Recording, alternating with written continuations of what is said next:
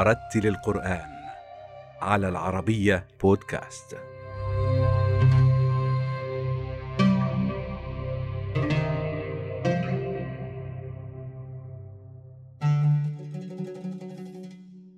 ولد القارئ الهندي يحيى جيباي في مدينة دربن في جنوب إفريقيا لأسرة هاجرت من مدينة جوجرات الهندية للتجارة منذ الأربعينيات من القرن الماضي ولم يحل نظام التمييز العنصري آنذاك بينها وبين إنشاء مدارس للقرآن الكريم وتحفيظ أبنائها وأبناء الجالية الهندية فحفظ هو وثلاثة من إخوته القرآن الكريم.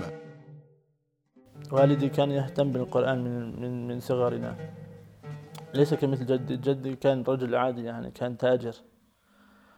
آه نحن عشر أولاد الحمد لله وثلاثة منا قد حفظنا القرآن.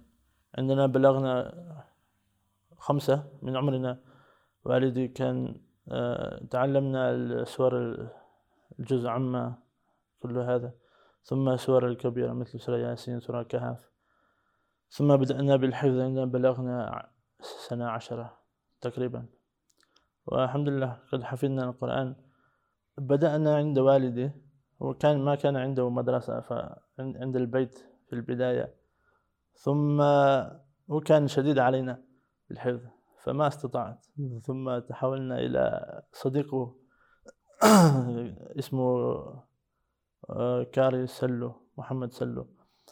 فحفظنا بعد جزء عنده ثم تركت هذه المدرسة ودخلنا المدرسة الحكومية. وفي هذه السنوات كان صعب أن ندرس في المدرسة ونحفظ القرآن أيضا. فكملنا سبع سنوات في المدرسة الحكومية ثم أخرجنا والدي من المدرسة آه، إلى مدرسة معهد النور. هو كان مدرس هناك كان مدرس هناك. فذهبنا إلى مدرسة معهد النور الإسلامية في آه، مدينة اسمها بريتوريا جلسنا هناك خمس سنوات يحفظون القرآن نحفظ القرآن. فأنا كان طالب يعني كنت ألعب كثير. يعني ما ما كنت مركز يعني. فبعد خمس سنوات أخرج أخرجني والدي من المدرسة. ولا أنت ب... بتجلس عندي وتحفظ عندي. كل ما كان أذهب تذهب معي. فالحمد لله بعد سنة حفظنا القرآن كامل. وكنت ثمانية عشر. كنت أستمع إلى الشيخ مشاري الأفاسي. لكن الأحسن كان والدي لي. يعني قراءته كان ممتاز جدا ما شاء الله كانت جميلة. بسم الله الرحمن الرحيم. يا أيها الذين آمنوا استعينوا بالصبر والصلاة. إن الله مع الصابرين. ولا تقولوا لمن يقتل في سبيل الله أموات بل أحياء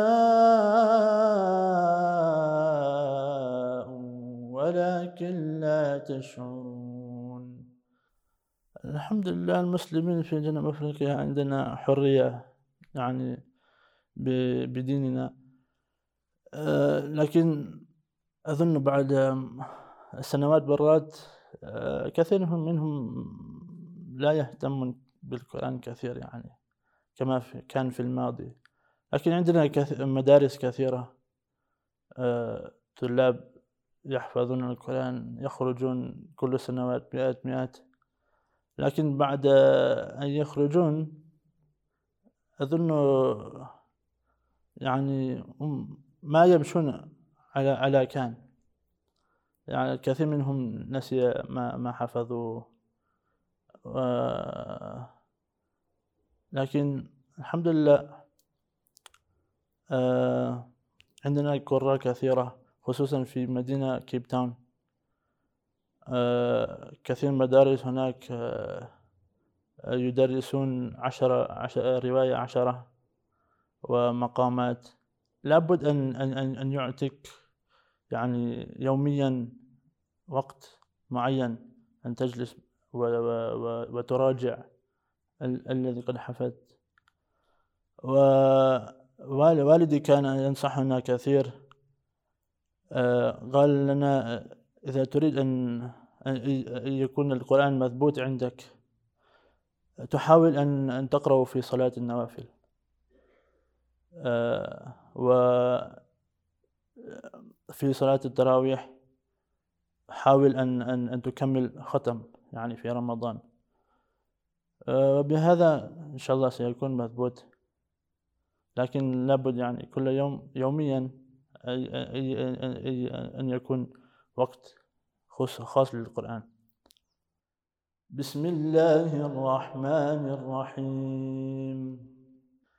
الحمد لله رب العالمين. الرحمن الرحيم. مالك يوم الدين. إياك نعبد وإياك نستعين. اهدنا الصراط المستقيم. صراط الذين أنعمت عليهم غير المغضوب عليهم ولا الضالين.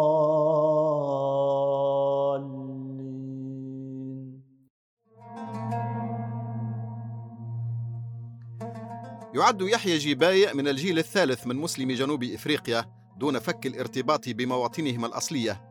فالثقافة الآسيوية الهندية منها خاصة تبدو في جميع تفاصيل حياتهم كما تنعكس على المساجد والمدارس والدور القرآنية التي تنتشر بالعشرات في المدن والقرى حيث تفخر العائلات المهاجرة بحفظ أبنائها للقرآن الكريم إجادة وإتقانا. أظن كل مساجد في مدارس يدرسون القرآن. آه، نسمى مكتب خاصة من ساعة ثالثة إلى ساعة خامسة يعني بعد آه، الوقت المدرسة الحكومية. والحمد لله نرى أن كثير من الأولاد ما شاء الله بدأ أن أن بدأ آه، أن نعلم كيف قراءة كيف يقرؤون القرآن من هذه المدارس. والمساجد الحمد لله نشاط. أظن أكثر أكثر آه، أكثر صلوات.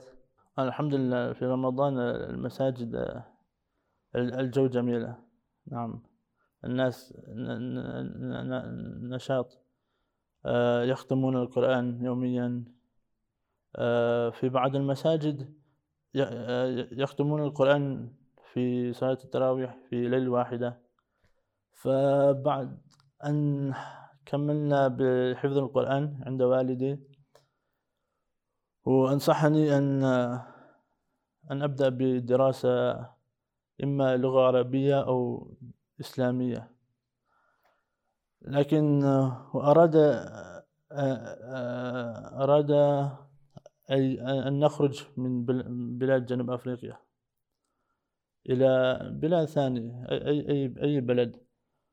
وقال أن في البداية في البداية نويت أن أذهب إلى مغرب. لكن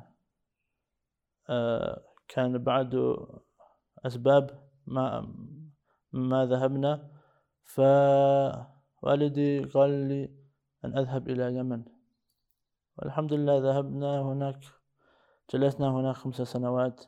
في سنة أولى درسنا اللغة العربية الحمد لله. والبقية من أربع سنوات درسنا دروس آه، إسلامية مثل الفقه على مذهب إمام أبو حنيفة. وبعد كتب في تجويد وعقيدة. آه، فالحمد لله وجدنا أن اليمن ما شاء الله الناس طيبين وحياتهم يعني بسيطة. لكن آه، أحسن شيء أن أن البيئة يعني إسلامية. ذهبنا إلى مدرسة اسمه دار المصطفى في مدينة ريم في حضرموت. وسكننا هناك مع أربعمائة طلاب. في كل غرفة تسعة طلاب. الحمد لله. كل واحد على سريره. والترتيب اليوم كان كان صعب شوية في البداية ثم تعودنا عليه. آه، هم كان مركز على ثلاثة أشياء آه، في العلم والدعوة والإصلاح. فيعني يومنا آه، كان يبدأ من ساعة الثالث أظنه آه، أيوة الساعة الثالثة فهناك يعني أذكار في آخر الليل ثم صلاة الفجر ثم كان عندنا ثلاثة ثلاثة دروس. وبعد اثنين كان فطور. ثم الثالث ثم كان وقت الفاضي إلى صلاة الظهر. وبعد صلاة الظهر كان عندنا حزب حزب القرآن. نحن جلسنا في حلقات وكل حلقة يقرأ ممكن جزئين ثلاثة أجزاء ونختم القرآن. ركزت كثير على إصلاح النفس والاهتمام بالصلاة لأن البيئة هكذا هناك. يعني تشوف الأولاد ممكن خمسة ستة آه، لا يهتمون بس بصلاة الفرائض حتى النوافل. يشوف بعضهم في الصباح قبل أن يدخل المدرسة ويروح إلى المسجد يصلي صلاة آه، ركعتين ثم يروح إلى المدرسة في القراءة ليس كثير لأنه درست الأكثر أكثر عند والدي لكن زدت في في تجويد في علم التجويد نعم. آه، درسنا كتب كتبين آه، للشيخ اسمه يحيى الغوثاني. الشيخ يحيى الغوثاني. نعم ألف كتاب في تجويد فدرسنا هذا. بسم الله الرحمن الرحيم. آمن الرسول بما أنزل إليه من ربه والمؤمنون. كل آمن بالله وملائكته وكتبه ورسله. لا نفرق بين أحد من رسله. وقالوا سمعنا وأطعنا غفرانك ربنا وإليك المصير. لا يكلف الله نفسا إلا وسعها. لها ما كسبت وعليها ما اكتسبت. ربنا لا تؤاخذنا إن نسينا أو أخطأنا. ربنا ولا تحمل علينا إصرا كما حملته على الذين من قبلنا. ربنا ولا تحملنا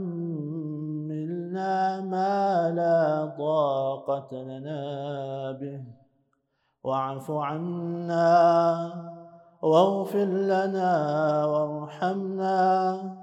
أنت مولانا فانصرنا على القوم الكافرين. نعم المسلمون في جنوب أفريقيا أصولهم أكثر من الهند. في باكستانيين وأظن قليل منهم أصل أصلهم من من أفريقيا من جنوب أفريقيا. لكن العدد زاد في سنوات لأن آه، بدأ آه، يبنون مدارس في آه، القرية المختلفة الذي يعيشون هناك جنوب أفريقيين.